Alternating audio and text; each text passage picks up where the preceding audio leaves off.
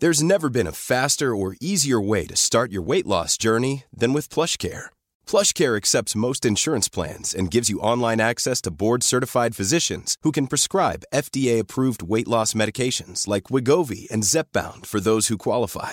Take charge of your health and speak with a board-certified physician about a weight loss plan that's right for you. Get started today at plushcare.com slash weight loss. That's plushcare.com slash weight loss. plushcare.com slash weight loss. Hiring for your small business? If you're not looking for professionals on LinkedIn, you're looking in the wrong place. That's like looking for your car keys in a fish tank.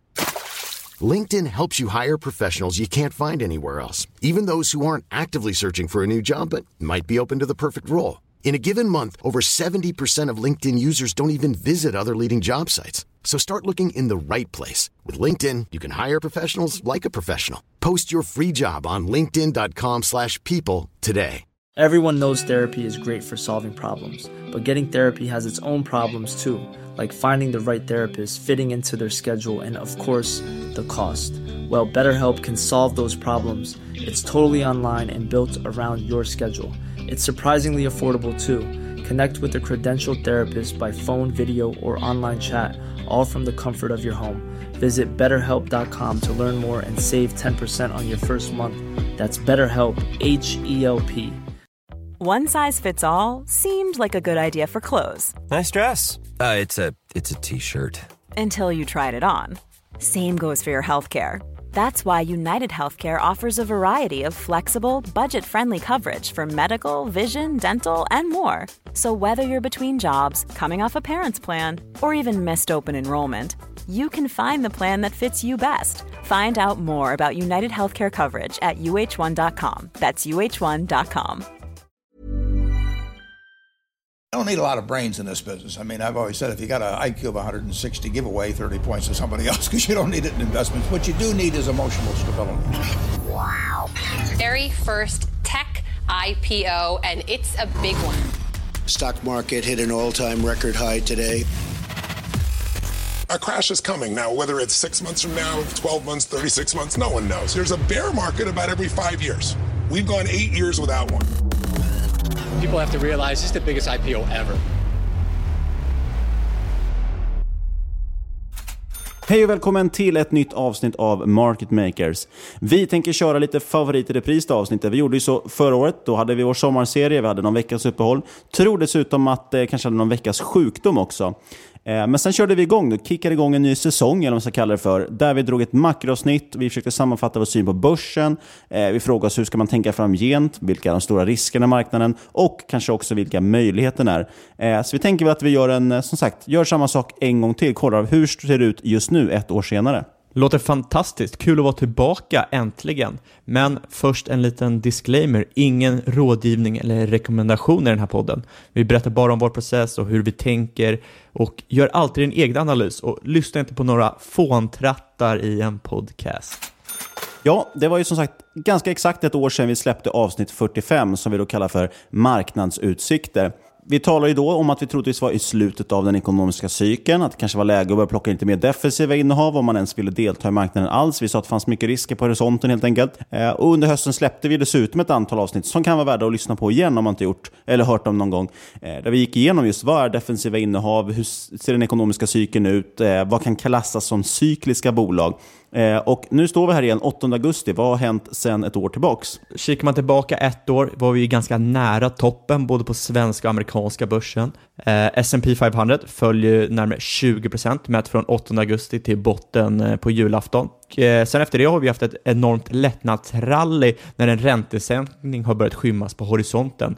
Eh, och trots det här enorma rallyt så ja, vi är ju faktiskt mer eller mindre plus minus noll sedan ett års tillbaks. Ja, egentligen oavsett om du kikar på amerikanska eller svenska börsen. Så, nu står vi här ett år senare frågar oss vad som har förändrats. Då. Ja, ja, amerikanska centralbanken Fed de har precis börjat sänka räntan för första gången sedan finanskrisen. Eh, och Då talar många om att nu kommer det bli ett glädjeskutt på börsen när stimulanserna börjar igen. Eh, men det har det inte blivit, snarare tvärtom. Vi hade, igår hade vi väl ett av de största fallen någonsin, mätt i punkt i alla fall, vem som nu mäter så. Men det vi frågar oss då, varför faller börsen? Jo, är räntesänkning verkligen någonting positivt? Eh, vi tror inte det. Eh, och om vi nu var i slutet av cykeln för ett år sedan, borde vi inte vara ännu närmare slutet nu? Ja, det finns, en, det finns ju faktiskt en liten kille, han heter Howard Marks. Och han reflekterar i en av sina senaste marknadskommentarer kring begreppet “this time it's different”. Eh, det är fyra ord som John Templeton sa var de farligaste orden inom investering. Att det skulle vara annorlunda just den här gången är något som investerare och spekulanter gång på gång eh, ja, faktiskt intalar sig både när marknaden toppar och när den bottnar. Eh, och visst, enligt Templeton så har de i 20% av fallen rätt. Givetvis är det varje gång lite annorlunda.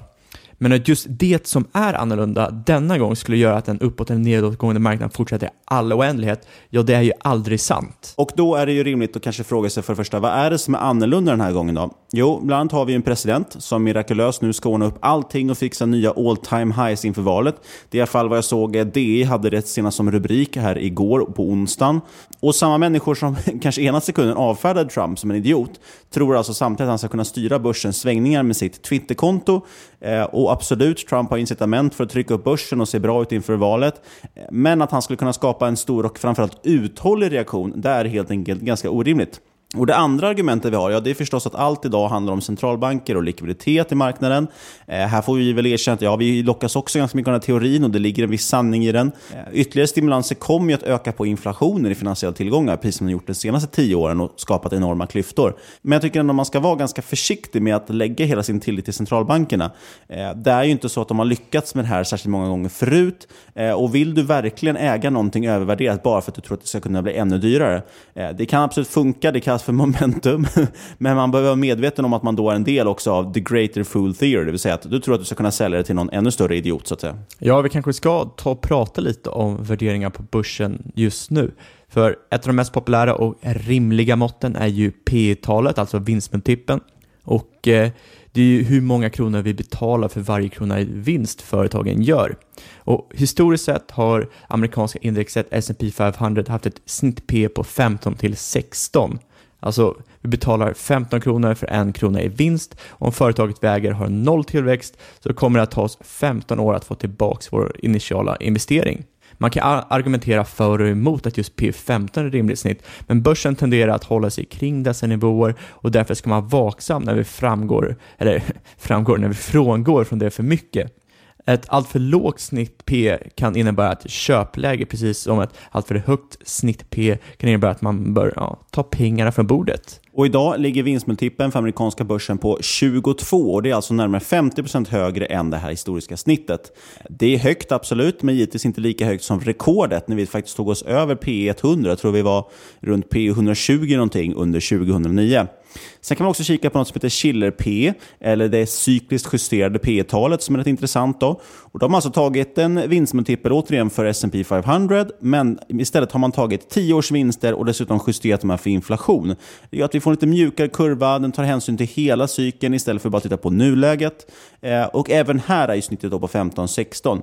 Eh, som mest har Schiller P varit uppe i dryga 40, så vi hörde att det blir inte lika extrema siffror. P 40 hade man under dotcom-bubblan. Eh, och idag ligger vi på 30, så det är ganska högt. Och framförallt dubbelt så högt som snittet. Ja, eller samma nivå som svarta måndagen 1929. Det känns optimistiskt. Ja, det är ju lite, lite trevligt, lite kul ändå. Men eh, nu när vi får ännu lägre räntor så ger det också lägre avkastningskrav, vilket kan motivera lite högre multiplar. Man ska ju se det verkligen och visst, nu när vi får ännu, eh, och visst, nu när vi får ännu lägre räntor så ger det ju också lägre avkastningskrav vilket kan motivera lite högre multiplar. Men ska det verkligen vara dubbelt så höga som det historiska snittet? Och eh, vad händer sen när eh, ja, vinsterna börjar ge vika? Och det här för oss in på en viktig, viktig fråga huruvida vi kommer att ha en recession. Alltså vad ska man säga, en avmattning eller nedgång i ekonomin. Eh, det enkla svaret är givetvis ja, vi kommer att ha recession. Det är recession, det är ingen som ifrågasätter det. Frågan är ju alltid såklart när den kommer att ske. Eh, hur nära ligger den i tiden och hur dramatisk kommer den att bli? Vi kan först konstatera att vi har haft den längsta återhämtningen i amerikansk historia. Men det finns såklart ingen magisk gräns här som säger att ja, men den får bara pågå ett visst tag och sen kommer automatiskt en recession. Eh, för att vi har haft tio år av, av återhämtning. Eh, samtidigt kan man dock argumentera för att den har varit ovanligt seg. Eh, ganska, liksom, det har inte varit så mycket drag i den. Eh, och därför är det heller inte kanske så konstigt att den har varit långdragen. Nej, det är, det är många varningsklockor som ringer. Eh, men å andra sidan, det var det för ett år sedan också. En del som eh, David Rosenberg på Klaskenchef, de påstår att vi redan befinner oss i en recession i USA. Tittar man på global nivå kan man ju nog med ganska stor pålitlighet säga att vi faktiskt gör det också. Om vi återgår till USA, där har vi dels en så kallad inverterad räntekurva, vilket historiskt sett varit en väldigt god indikator på recession. Eh, dessutom visar New York Feds modeller på en 33% chans för recession inom ett år. Eh, det är dock värt att notera att i princip varje gång vi nått den nivån har vi redan befunnit oss i en recession eller varit precis på väg in igen. Så det är väldigt intressant liten, eh, liten faktabit där. Givetvis då är det här motargumentet är att centralbankerna de kommer kunna gasa sig ur den här krisen med ytterligare sänkningar, mer kvantitativa lättnader. Eh, efter den senaste räntesänkningen så har marknaden faktiskt justerat upp just prognosen för ytterligare räntesänkningar eh, i september. Från 60% chans till hela 90% chans nu. Eh, precis som att den senaste räntesänkningen hade ju faktiskt 100% chans enligt vad marknaden tyckte. Men som sagt, är det verkligen positivt med räntesänkning? Vi fick ju inte det här glädjeskuttet som så många trodde på nu när vi fick en räntesänkning. Eh, och som vi sa, en inverterad räntekurva det är en klassisk recessionsindikator. Eh, Fed hade nog hoppats kunna stoppa den här inverteringen lite grann och få tillbaka det genom just att sänka.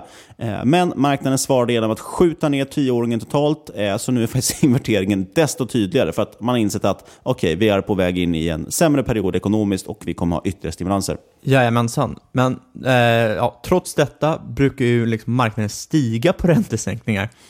Eh, det finns ju ett ganska enkelt samband som Marx beskriver. En svag ekonomi ger sänkta räntor och det innebär ekonomisk stimulans och därmed stark BNP, eh, högre bolagsvinster och därmed högre aktiepriser. Det är dock i Marx egna ord first level thinking. Eh, Frågan man istället bör ställa sig är varför sänker Fed räntan? Hur illa kan det gå om vi får ytterligare sänkningar och kommer sänkningar verkligen att kunna stävja en ekonomisk nedgång? Han har en rätt rolig liknelse faktiskt, eh, Marx, i ett av sina, sina marknadskommentarer. Han liknar det med ett doktorsbesök. För om, om vi, sett, vi går till doktorn, vi har något medicinskt problem, vi har ont någonstans, och så drar doktorn fram en, en enorm spruta. Då. Ska vi tolka det positivt eller negativt? Jag menar, sprutan och medicinerna gör mig gott, eh, precis som att räntesänkning är ju positivt för ekonomin. Men å andra sidan så är ju nyheten att man är så pass sjuk att man behöver medicin knappast positiv. Ja, eh, nej, absolut. Hedgeförvaltaren John Hassman skriver ju liksom att eh, räntesänkningar brukar faktiskt leda till stora nedgångar efter det första lilla rallyt uppåt. Och det är helt enkelt för att en räntesänkning säger oss att något har gått snett. Precis som att doktorn konstaterat att här behövs det medicin, så har Fed konstaterat att här behövs det en räntesänkning eller ytterligare stimulanser för att ekonomin orkar inte av sig själv. Eh, men John Hassman, intressant att vi tar upp honom. Eh, han skriver ju också mycket om något han kallar för market internals Eh, i sin senaste marknadskommentar. Eh, och vad han menar med det här är lite den underliggande psykologin. Eh, är investerare riskvilliga eller de riskaverta, alltså undviker att ta risk? Och Det här hänger ganska tätt ihop med hur man ska tolka Feds handlingar. För Fed de började sänka räntan både innan dotcom-bubblan, innan finanskrisen. Alltså de ser ju oftast när det är på väg att mattas av. De fortsatte även att sänka aggressivt hela vägen ner i bägge de här krascherna. Så frågan är varför kan de inte stoppa marknadens nedgång? Eh, och Då kan man faktiskt först skrapa lite på ytan av vad en centralbank egentligen gör när de försöker stimulera marknaden. Men sen också då vad den här marknadspsykologin, hur den påverkar. Ja, ofta talar man om att centralbankerna pumpar pengar in i ekonomin. Och ja, det är väl någonting vi själva varit slarviga och sagt. Eh, men egentligen bör man ju se stimulansen som ett sätt att byta plats på två tillgångar. Eh, det är ju så att centralbanken suger upp de obligationer som finns i marknaden och plötsligt sitter investerare och pensionsfonder och andra på sparmedel som inte ger någon ränta. Och när man inte får någon ränta så blir man ivrigare att leta, på, liksom leta fram nya investeringar eh, som kan ge avkastning. Det här är en viktig distinktion faktiskt, något man bör vara medveten om. Eh, kvantitativa lättnader gör att folk håller mer cash egentligen. Då. Eh, och kontanter ger som bekant inte någon avkastning. De här pengarna vill man alltså placera så man får ränta på dem. Men det man kan fråga sig, och det är det här Hassman menar med sina market internals. Kommer man automatiskt att investera bara för att man måste? Man brukar ju prata om TINA, there's no alternative, man måste investera i någonting.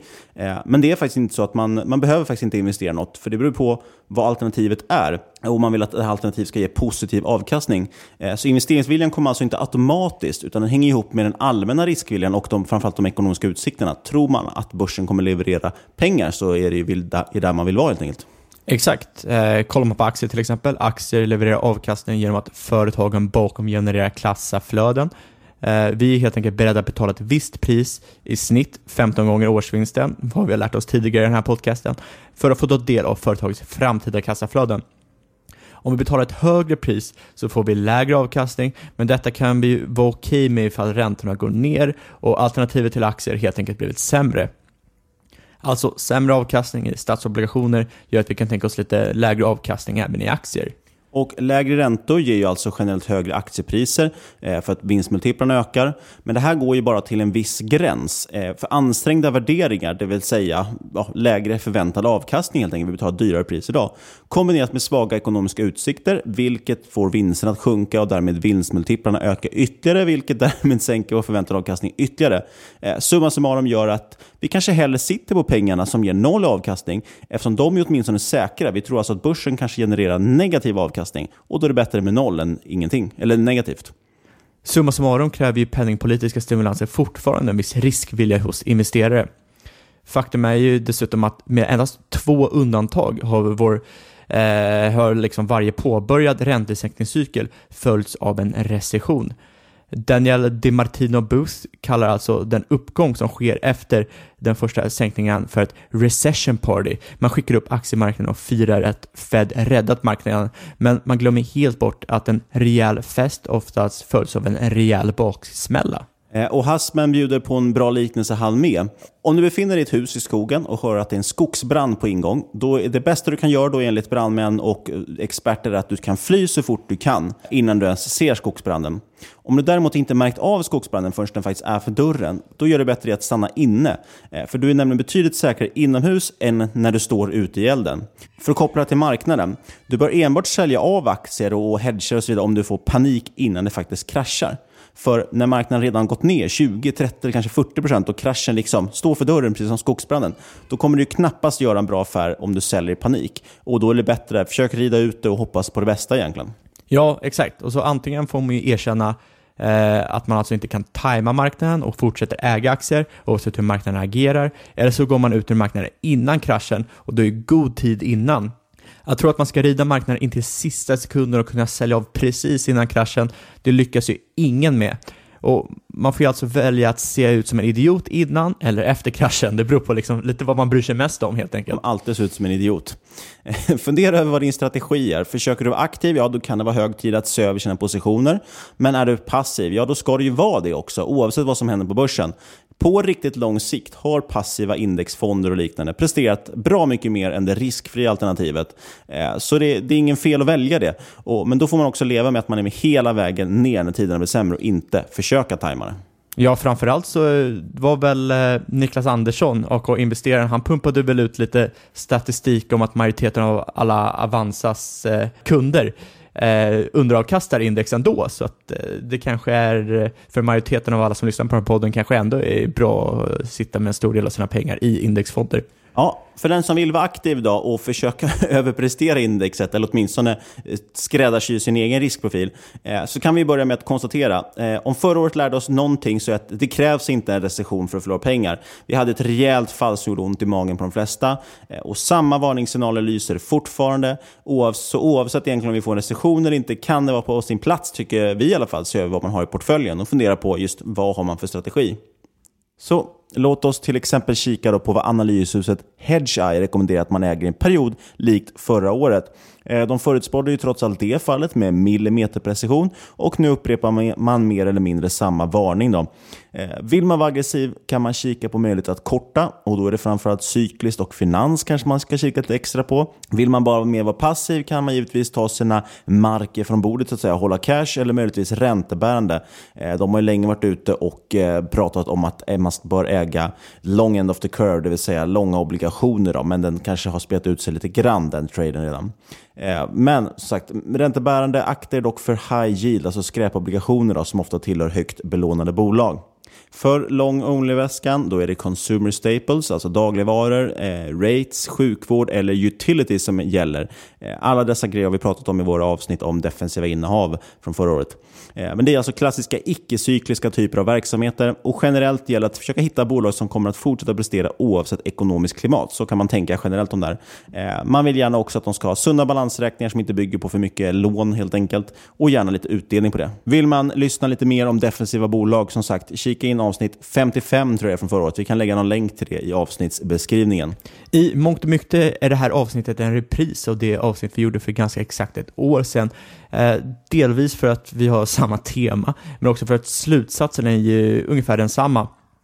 Vi är på samma plats vi var för ett år sedan och den enda skillnaden är egentligen att företagen är desto mer skuldsatta och vi har som sagt påbörjat en cykel av sänkta räntor från Fed istället för som i höstas slutet av en räntehöjningscykel. Eh, men som vi har pratat om idag funkar varken ökade stimulanser eller ytterligare belåning för att trycka upp tillgångspriser i all oändlighet. Det är ju så, rent konkret, liksom, det funkar till viss del att låna sig ut ur en kris.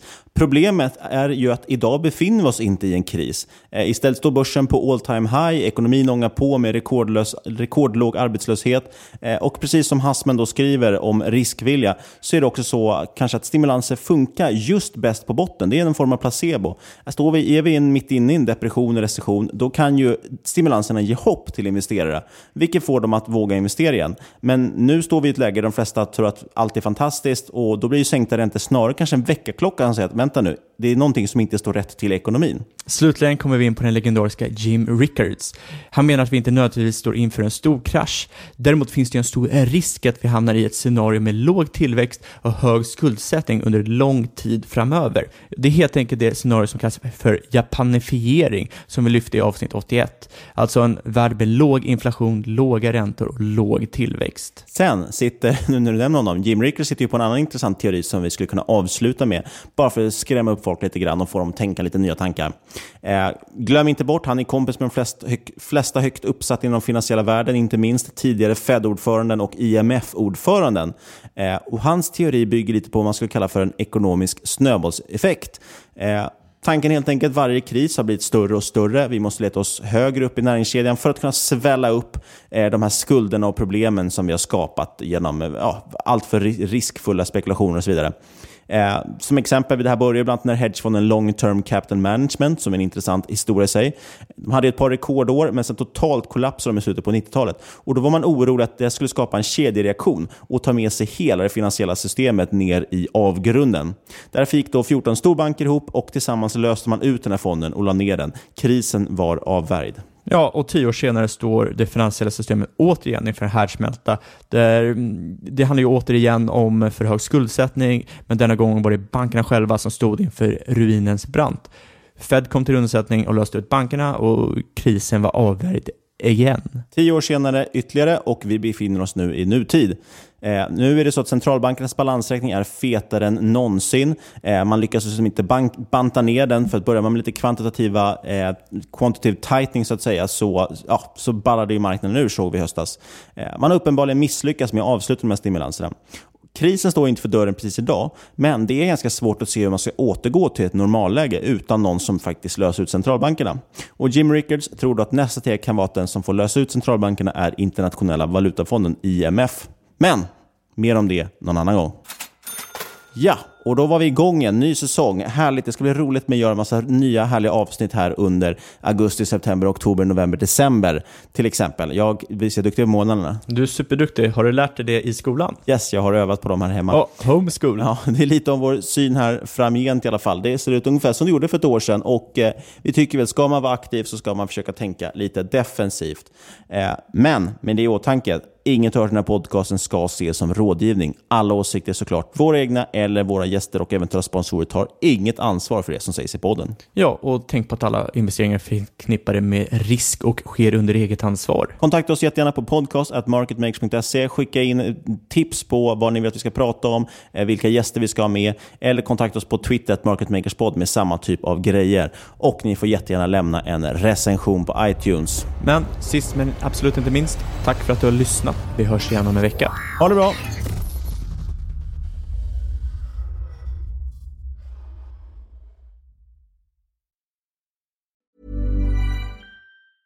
Hey, I'm Ryan Reynolds. Recently, I asked Mint Mobile's legal team if big wireless companies are allowed to raise prices due to inflation. They said yes. And then when I asked if raising prices technically violates those onerous two year contracts, they said, What the f are you talking about, you insane Hollywood ass? So to recap, we're cutting the price of Mint Unlimited from $30 a month to just $15 a month. Give it a try at mintmobile.com slash switch. $45 up front for three months plus taxes and fees. Promo rate for new customers for limited time. Unlimited more than 40 gigabytes per month. Slows. Full terms at mintmobile.com. Life is full of awesome what ifs, and some not so much, like unexpected medical costs. That's why United Healthcare provides Health Protector Guard fixed indemnity insurance plans to supplement your primary plan and help manage out of pocket costs. Learn more at uh1.com. Wow. Nice. Yeah. What you're hearing are the sounds of people everywhere putting on Bombas socks, underwear, and t-shirts made from absurdly soft materials that feel like plush clouds. Yeah, that plush. And the best part? For every item you purchase, Bombas donates another to someone facing homelessness. Bombas. Big comfort for everyone. Go to bombas.com slash ACAST and use code ACAST for 20% off your first purchase. That's bombas.com slash ACAST. Code ACAST. Hey, it's Ryan Reynolds, and I'm here with Keith, co star of my upcoming film, If, only in theaters, May 17th. Do you want to tell people the big news? All right, I'll do it. Sign up now and you'll get unlimited for $15 a month and six months of Paramount Plus Essential Plan on us. Mintmobile.com slash switch. Upfront payment of $45 equivalent to $15 per month. Unlimited over 40 gigabytes per month. Face lower speeds. Videos at 480p. Active Mint customers by 531.24 get six months of Paramount Plus Essential Plan. Auto renews after six months. Offer ends May 31st, 2024. Separate Paramount Plus registration required. Terms and conditions apply if rated PG. Quality sleep is essential. That's why the Sleep Number Smart Bed is designed for your ever-evolving sleep needs. Need a bed that's firmer or softer on either side? Helps you sleep at a comfortable temperature? Sleep Number Smart Beds let you individualize your comfort so you sleep better together. JD Power ranks Sleep Number number 1 in customer satisfaction with mattresses purchased in-store. And now, save 50% on the Sleep Number limited edition Smart Bed for a limited time. For JD Power 2023 award information, visit jdpower.com/awards. Only at a Sleep Number store or sleepnumber.com. Mom deserves the best, and there's no better place to shop for Mother's Day than Whole Foods Market. They're your destination for unbeatable savings, from premium gifts to show-stopping flowers and irresistible desserts. Start by saving 33% with Prime on all body care and candles. Then get a 15-stem bunch of tulips for just $9.99 each with Prime. Round out Mom's menu with festive rosé, irresistible berry chantilly cake, and more special treats. Come celebrate Mother's Day at Whole Foods Market.